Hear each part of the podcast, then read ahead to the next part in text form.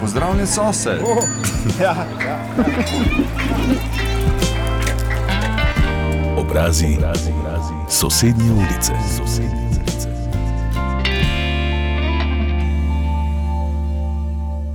Današnja gostja v oddaji obrazi sosednje ulice je Nataša Vidnar, diplomirana medicinska sestra, končala je tudi fakulteto za organizacijske vede, no trenutno pa v spredju kot predavateljica, pa tudi vodja centra za krepitev zdravja v Mariboru, tudi doktorska študentka, no in še in še bi lahko naštevali. Najprej en dober dan, lepo zdrav. Dober dan, lepo zdrav.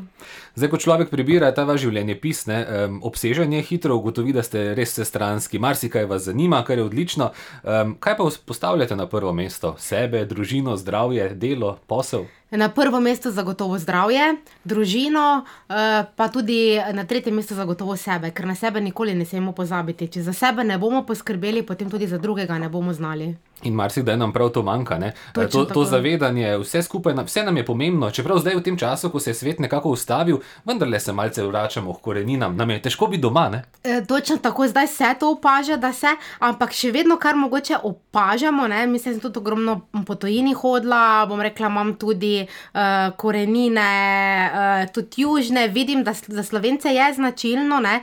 da se uh, sebe znamo postaviti na prvo mesto. Uh, zelo pa znamo se tudi usmeriti k drugim pragovom, oziroma tudi uh, k drugim, in bom rekla, na zelo obremenjuje tiste, kar pa ni vredno, kako imajo drugi, kaj delajo drugi, zakaj ima drugi nekaj več. Ne? In to je tisto, kar pa vpliva potem zelo negativno na naše zdravje. Tako da na sebe pomisliti v pozitivnem smislu, da znamo reči ne, sploh zdaj, ko je začetek novega leta, ko si postavljamo neke cilje, neke prioritete, je to zelo pomembno, um, da si naredimo neki načrt za dva, tri mesece naprej. Kot ste že vi povedali, v prejšnjem letu 2020 je bilo čudno leto, sedaj na začetku se še malo to nadaljuje, ampak moramo stremeti, da enkrat bo tega konec, da bo lučka na koncu tunela. Ampak če sebe ne bomo postavili na prvo mesto, bo to zelo, zelo težko, tudi v pozitivnem razmišljanju. Malce kasneje sem vas želel to vprašati, pa vseeno, eh, omenili ste, ne, mama je Mariborčanka, oče iz Niša, torej Srbije. Eh, v nekem umizju smo nedolgo nazaj eh,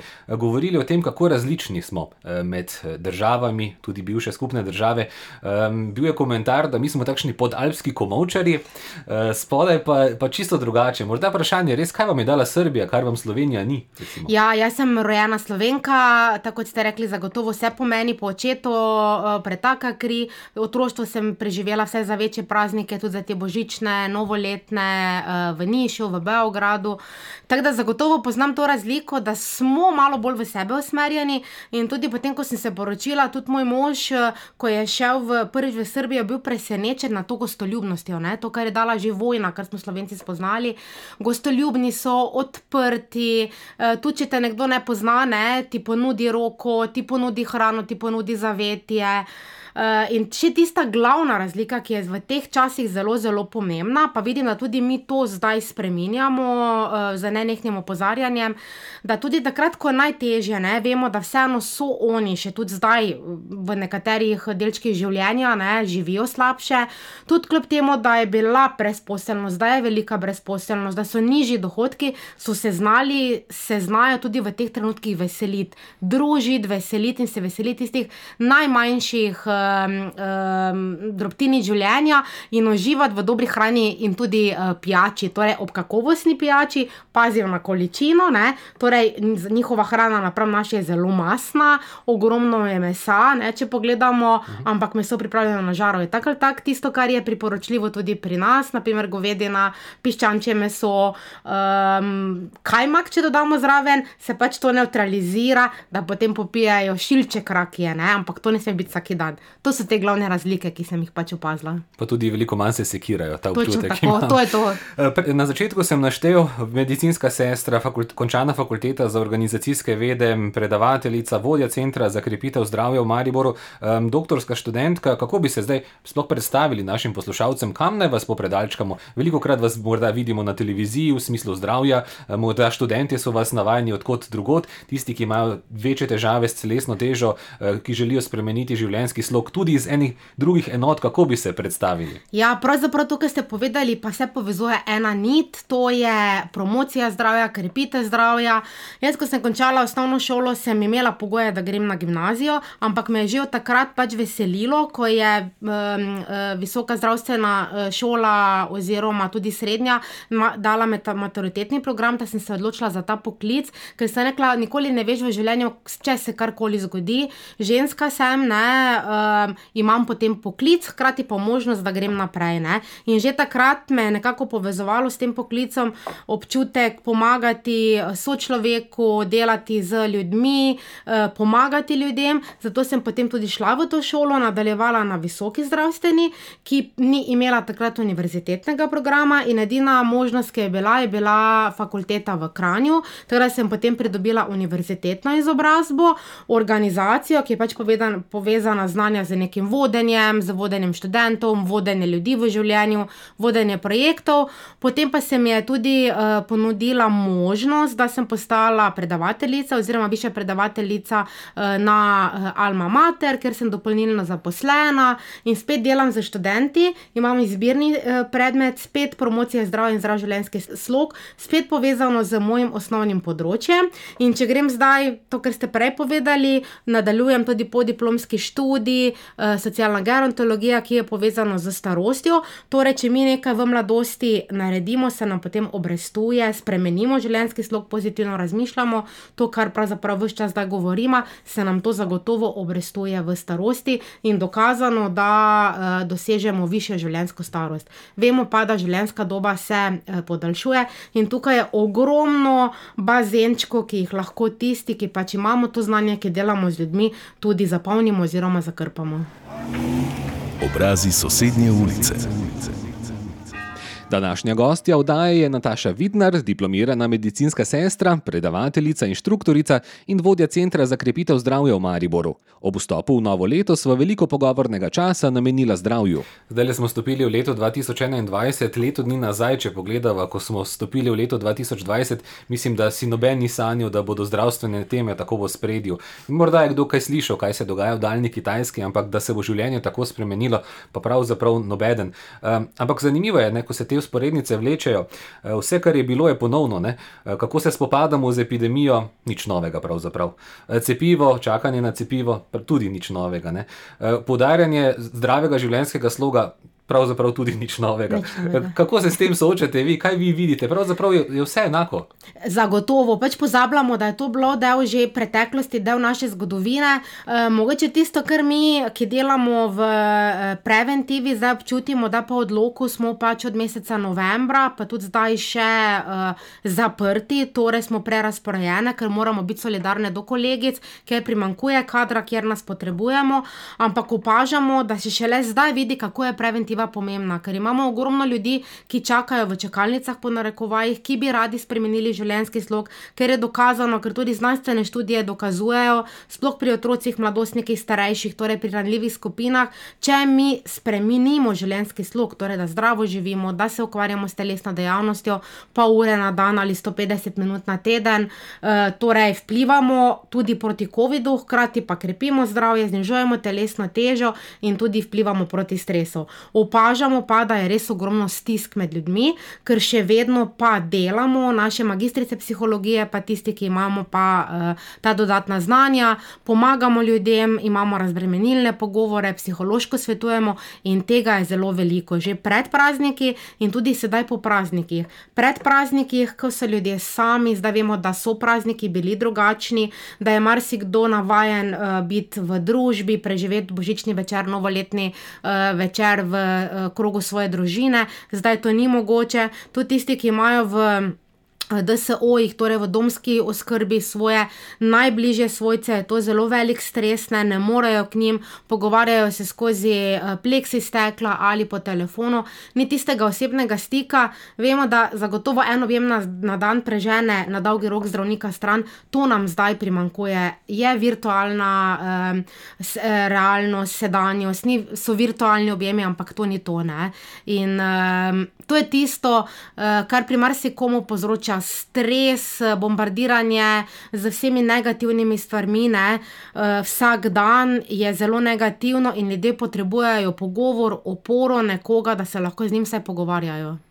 In tudi psihično zdravje vpliva, seveda, na telesno. Zagotovo. Kaj pa tistim odgovarjati, ki rečejo, da je bilo veliko vsega na mizi, ko je novo leto mimo, pa na hitro nekaj izgubimo. Ja, ne gre tako. Ne gre, kako tako hitro, enostavno. tako, tako ne gre. Ne. To je tisto, kar pa je zdaj, kljub temu, da je korona, to nam niso mogli odzeti, odzeti uživanje ob tistih najožjih članih, ob, uživanje tudi nekdo pač je rad sam seboj, uh, uživanje ob dobri hrani, ne. to si absolutno moramo privoščiti. Vemo, kaj je tradicionalna božična večerja, kaj spada k, uh, na Silvestrovo, kaj na 1. januarski dan. Tako da to absolutno si moramo privoščiti, ampak ne samo tisti dan, ampak tudi lepo razporejeno skozi 365 dni v letu.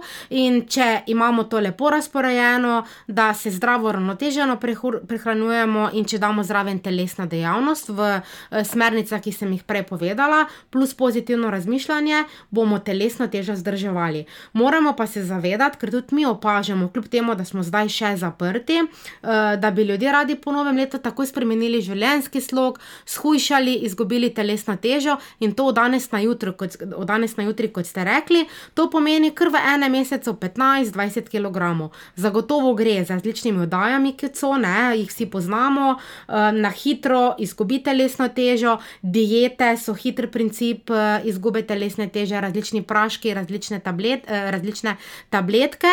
Izgubimo, zelo močno telovadimo, torej pretiravamo s telesno dejavnostjo. Se morda poškodujemo vmes. Tako in to, ali pa, uh, ali pa poslabšamo kronično nenalezljivo bolezen, naprimer sladkorni bolniki, srčni bolniki, ko pa mine 2-3 mesece, pa pridobimo ponavadi krat 2 ali krat 3 nazaj, uh, in potem zelo težko gremo na vzdrževanje telesne teže. Ni tako težko shujšati, najtežje je vzdrževati telesno težo. In do tega pridemo samo z zdravo, uravnoteženo prehrano, upoštevajoč pravilo 80-20, redno telesno dejavnostjo in pozitivnim razmišljanjem. Prebral sem tudi, da ste inštruktorica za nordijsko hojo, ko smo pri gibanju. Ste Tak. potem pogosto na pohorju. E, zelo pogosto, ampak zdaj eno je pohodne palice za na pohorje, ene so pa nordijske palice za hojo e, po ravnem. Jaz sem zelo vesela, da smo mi takrat v slovenskem prostoru še z e, drugimi orali to ledino nordijske hoje in spomnim se mogoče deset let nazaj, ko smo šli z skupinami v Centru za krepitev zdravja oziroma takrat zdravstveno vzgojnem centru po Mariboru, e, so nas vsi čudno gledali, skupina desetih do dvajsetih ljudi, palice, imajo čepke, gor hodijo po ravnem. Ne? Prav čudno so rekli, gledaj, oni mislijo, da so v planinah. To ni res, to je hoja za poravnem. Prihaja eh, ta eh, hoja iz Finske in je namenjena ljudem, ko gredo v službo, na mesto koles, na mesto motorjev, na mesto prevoznih sredstev, da nekaj že na poti v službo, zraven 6000 korakov, ki jih naredijo, ne, eh, zraven migajo še s pravilno porabo nordijskih palic z zgornjim delom telesa in zgubijo za eh, 40% več kilokalorij, kot če bi šli samo peš brez palic, in tudi maščoba tam, ker je pač ne želimo imeti, se na ta način tudi uh, uh, izgublja in na ta način tudi hujšamo in spet krepimo svoje zdravje. Je pa hoja en tak najbolj naraven način gibanja, gibanja človeka. Čeprav marsikdo reče, ja pa eh, ne preznojim se, ne? vprašanje, koliko se gibam. Ja, to zadnjič ravno na enem predavanju, ne, sem jaz rekla, da so smernice 150 minut na teden ali pa ure hitre hoje na dan, da se rahlo spotimo, rahlo zadihamo ali 6000 korakov na dan. To je res za krepitev zdravja, s tem ne bomo mi shujšali. In potem je en gospod napisal, ja, da morate puls se dvigniti, ne, zagotovo. Zato tudi mi izvajamo vsake toliko časa test hoje, preizkus telesne zdržljivosti na 2 km, ker lahko vsak zase ugotovi, kakšen je njegov maksimalni srčni utrip, drugače ga lahko enostavno zračunamo 220 minus leta. To pomeni, da se takrat šele v našem telesu začne nekaj dogajati, da se začnejo določene reakcije, da se začne topiti maščoba in da začnemo tudi hujšati. Ampak za zdravje je dovolj že 6000 korakov ali ste tako, kot ste vi rekli, za dobro počutje, za pozitivno um, razmišljanje, ko nam svetloba sončna pade na roženico, se sproščajo hormoni sreče in tudi, če ne želimo ali ne rabimo shujšati, bomo za hojo, ki je naravna oblika gibanja, naredili zelo veliko. Obrazi sosednje ulice. Z Natašo Vidnar, vsestransko zagovornico zdravega življenja in vodjo Centra za krepitev zdravja v Mariboru, v današnji oddaji govorimo o njenem življenju, tudi poučevanju, ki je poseben izziv.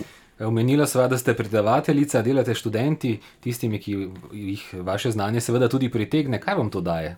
Uh, veliko. Uh, nekako opažam, da premalo, uh, premalo imajo znanja za življenje. Ne? In tudi, da rekla v našem poklicu, res opažam, da vsi poznamo, da so generacije od X, Y, Z. Ne?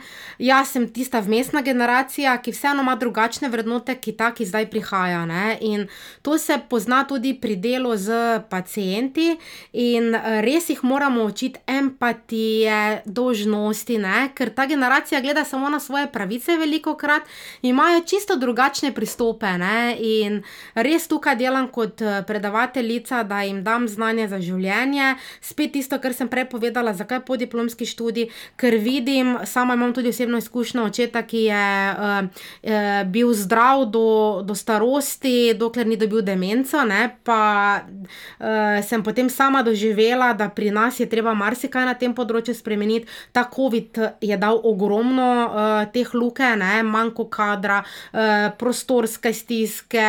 Um, ne, tudi, če gledamo v tujini, imajo dementne oddelke prirejene tako, da se tisti, ki uh, jih ne dajo pod ključ, da imajo usposobljen kader, da imajo prostore narejene tako kot ogledalo, kot labirint, ne, da se jih vrne v otroštvo, da se igrajo z dojenčki, tega pri nas še ni. Ne.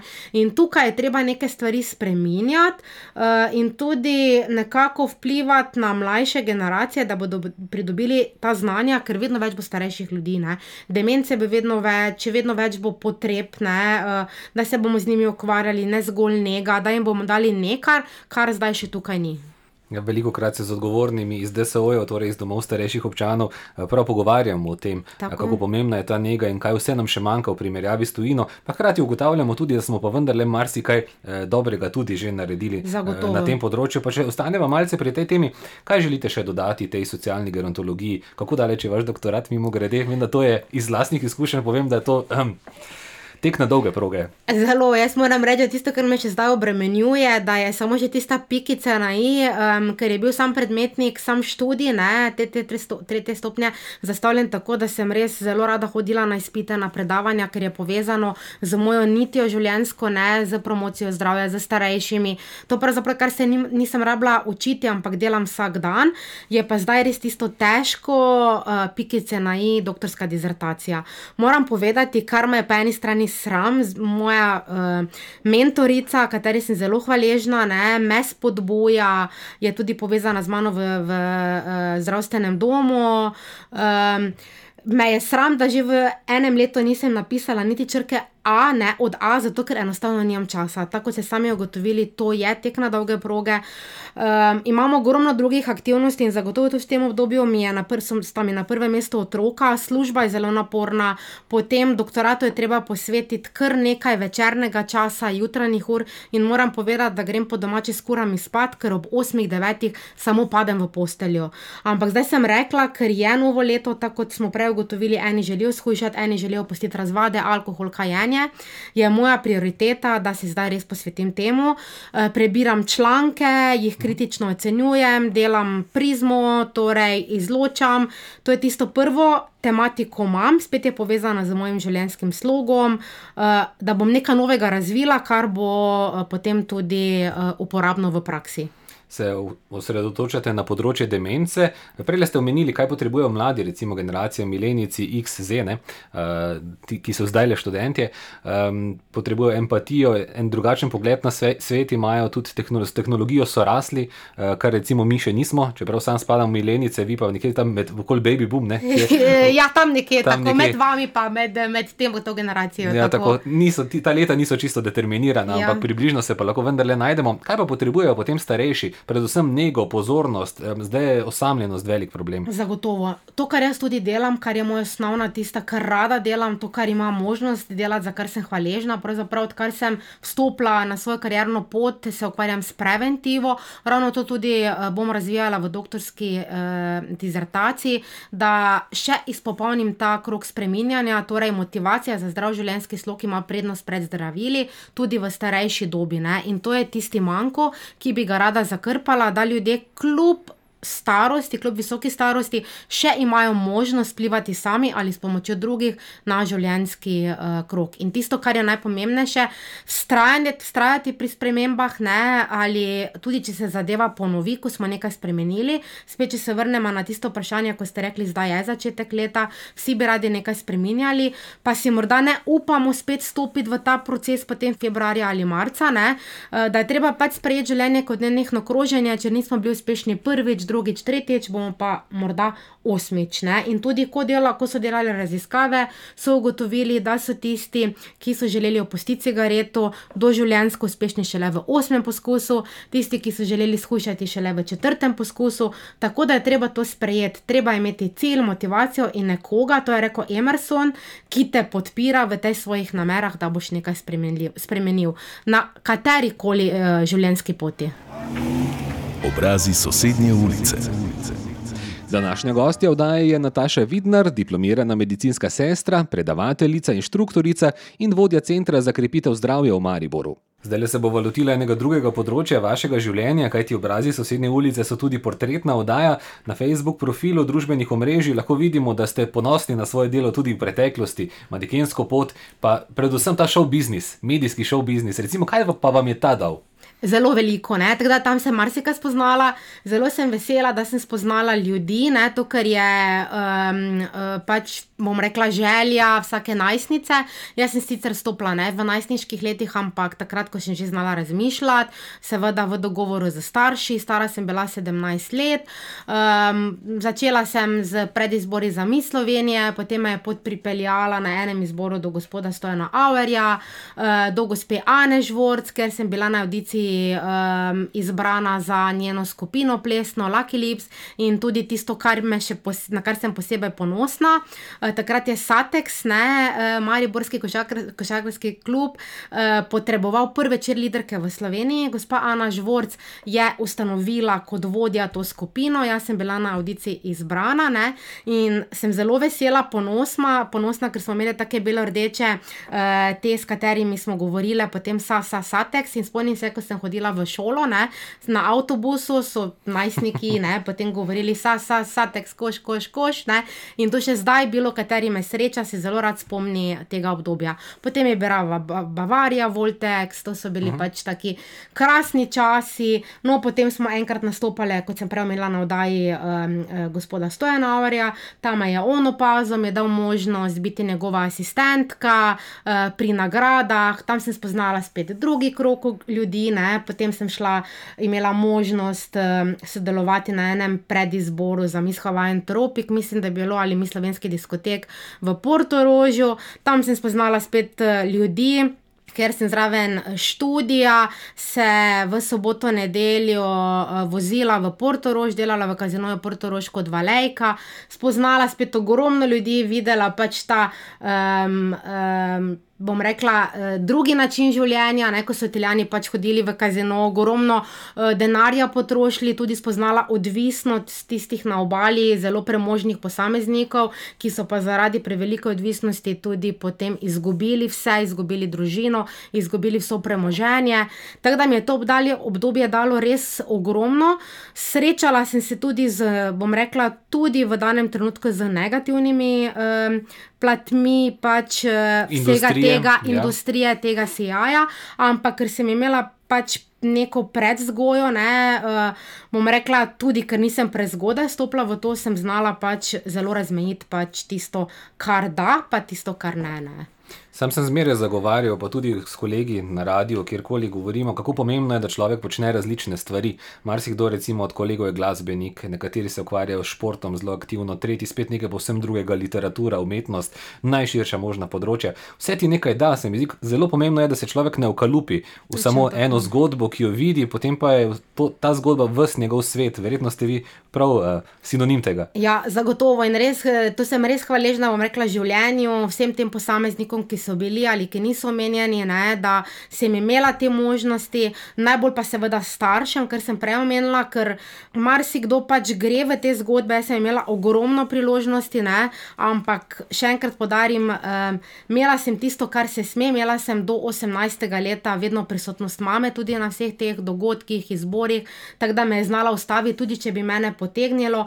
Tudi te, tudi gospa Ana Žvorc, ne, nas je učila ravno uh, v tem, uh, kaj je pomembno.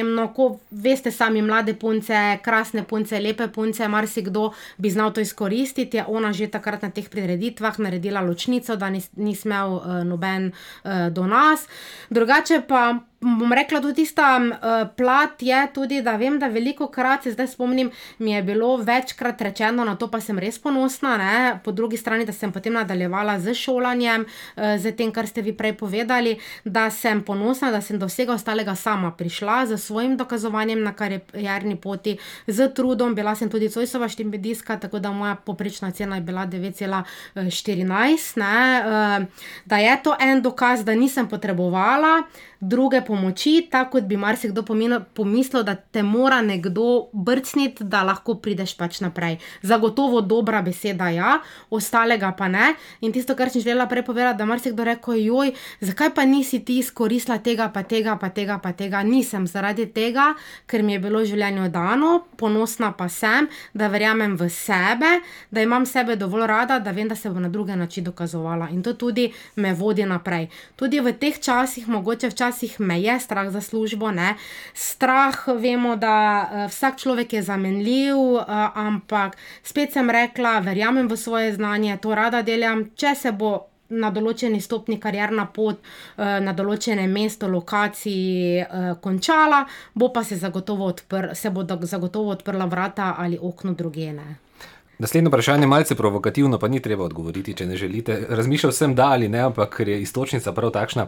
Ena naših sodelavk, mojih sodelavk, ki rada nadane krilo, mi je, ko sva se pogovarjala o tem, da bova snemala tole oddajo, rekla: pa vprašajo, če je imela kdaj zaradi tega, ker si rada nadane krajše krilo, težave. Ne? Kako se znajdete potem v tem moškem svetu? Uh, jaz bi rekla zelo provokativno vprašanje, pa tudi tako ste mi rekli, točno vem, katera kolegica, ki jo zelo spoštujem in eh, vedno rečem, vsaka čas ne, da si upa. Nimam težav v moškem svetu, ker tukaj znam narediti eh, ločnico, tako kot sem že prej povedala. Zelo veliko težav pa imam v ženskem svetu, že odnegdaj, med starejšimi, eh, med mlajšimi, ne. ampak sem rekla, tukaj jaz se v tem vredu počutim. Eh, eh, s, eh, eh, rabim ničesar skrivati, zagotovo, ko sem bila mlajša, so bile te, ta krila krajša, kar je bilo še težje. Bom rekla, ker sem hodila na zdravstveno šolo, uh, zdaj so krila daljša, ali pa hlače tudi če vedno oske, ne pa še vedno so kakšne takšne pripombe, ampak v eno uho noter, pri drugi ven. Dokler uh, moje obnašanje kaže na to, da sem vzgledna, uh, da s tem bom rekla, uh, ne provociram, kakorkoli bi rekla, nimam težav in jih ne vidim. Ne. Zagotovo se pa je primerno letom, primerno situacijo, primerno karjerni poti tudi obleč, uh, to pa nas potem uči tudi življenjski ali poslovni bonton. Obrazi sosednje ulice. Naša gostja oddaje obrazi sosednje ulice ostaja vsestranska vodja Centra za krepitev zdravja v Mariboru Nataša Vidnar. Za konec pogovora sva se vrnila k pomenu zdravja in željam za leto, v katerega smo pravkar stopili. Centr za krepitev zdravja Maribor me občutek morda vara, ampak o zdravju se recimo radi pogovarjamo. Ne? Vsi prikimamo, seveda, seveda. Kaj pa ja. nam potem zmanjka? Te volje, tega ne da se mi, tega obilja, ki ga živimo. E, tako ste rekli, točno tega volje nam zmanjka. Moram tudi povedati, da ljudje, ko so z nami, ko začnejo spremenjati življenjski slog, so, o, smo skupaj skoraj eno leto. Grejo skozi vse delavnice, da se naučijo spremeniti življenjski slog, zdravo prehranjevati, opustiti razvade in to potem tudi vzdrževati. Veliko krat se pa zgodi, ko niso več z nami, ko več ne hodijo enkrat ali dvakrat na teden k nam, sploh tisti, ki nimajo podpore doma. Ne, veliko krat mi reče, jaz sem nehala kaditi ali pa nehal kaditi, pa pol pridem pridem domov, pa moja partnerka prižge cigaret, pa reče: pa daj, ne, daj še ti enega prižgi, ne, ali pa si za nalas naredi zelo kalorično večerjo vsak dan. In potem, ker niso dovolj močni, hitro pritegne tista ožja, družinska ali delovna okolica, tudi veliko krat, da grejo na staro pot. Torej, volja, pogum, strajanje. To je v procesu spreminjanja najtežje, vztrajati pri spremembi in takrat res rabimo podporo sodelavcev, eh, potem eh, družine ali pač nekoga tistega, kateremu zaupamo. Veliko poudarjamo tudi stres, pa če se ga lotiva iz ene druge perspektive. Um, stres ali pa težke odločitve so povezane tudi z raznolikim delom, z prevzemanjem odgovornosti, z vodenjem eh, zahtevnih projektov. Kako naj potem se obnašamo? Ne? Na eni strani je to neka, neko nujno zlo, ki mu ne moremo obežati, po drugi strani pa naj živimo čim manj stresno. Kaj bi ja. rekli? Zelo dobra istočnica, tu se jaz veliko krat tudi najdem. Jaz učim ljudi, da naj ne živijo stresno. Podarjam, da se rakave celice milijonkrat hitreje razmnožujejo takrat, ko je človek pod stresom, da naj znajo reči ne, naj si ne nalagajo veliko obveznosti. Ne. Zagotovo, tako kot ste rekli, vodenje, ne, zato ker ti moraš pač si tisti, si tisti eh, vmesni člen med vodstvom, ki od tebe nekaj zahteva, in spet smo v teh časih, ne, je to zelo nehvaležno, moraš pa tudi uh, biti solidaren in spet prenesti zahteve vodstva nad tiste, z katerimi delaš, torej na tim, z katerimi sodeluješ. In to je veliko krat zelo stresno. Mogoče v službi, ne, to ljudje, pa tu bom rekla jaz, še nekako gre, ko pa pridejo domov. Pa se Ventil to- spusti. Ventil spusti. In spet, kar ni v redu, če, tega, če to nepravilno spustiš, ne, ali pa potem um, ne greš na ravo, ali pa ne spustiš druge, zna vplivati to na medosebne, družinske odnose, torej na partnerja, moža, otroke, in potem se še tam začnejo rahlati odnosi in pride do ločitve. In potem si v takem zelo, zelo začaranem uh, življenjskem krogu, iz katerega je zelo, zelo težko izstopiti brez neke strokovne pomoči. Na družbenem omrežju Facebook ste objavili tudi fotografijo svojega psička. Ja. Ne, Don mu je ime, če se ne Tako. motim. Star je blizu 15 let, ima zdravstvene težave, lajšate mu jih na takšne in drugačne načine. Kaj pa vam dajo živali? Eh, Živali dajo ogromno. To je moj drugi kužek. Prej smo imeli v otroštvu Maltežana, ki je dosegal uh, 13 let, dočakal 13 let. Uh, potem smo začeli tako kot pri, pri ljudeh popuščati srce, pljučka. Smo rekli, nikoli več psa, potem sem si jaz ustvarila družino, ne? najprej z, tudi z možem nisva mogla imeti, nisva mogla imeti otrok, ne to govorim, mogla z podnarekovajih, zaradi tega, ker vidiš, da vse življenje sem potem spoznala je namenjeno, da sem potem kljub temu, da so rekli zdravniki, ne, ne bova mogla imeti, bo treba umetno, smo tudi šla trikrat eh, na umetno oploditev, potem pa silom prilike so meni ugotovili pač določene anomalije, da se ni mogel postopek eh, nadaljevati, smo pa po naravni poti eh, dočakala dva čudeža, torej dva otroka. Ne? In eh, eh, smo vmes imela tudi, tako kot ste rekli, eh, eh, smo nabavila psička, tega jokširskega terjarja, Dona, eh, ki je zdaj v 15. letu. Do zadnjega leta ni bil nikoli bolan, eh, vse je bilo ok, bil je naš kot družinski član.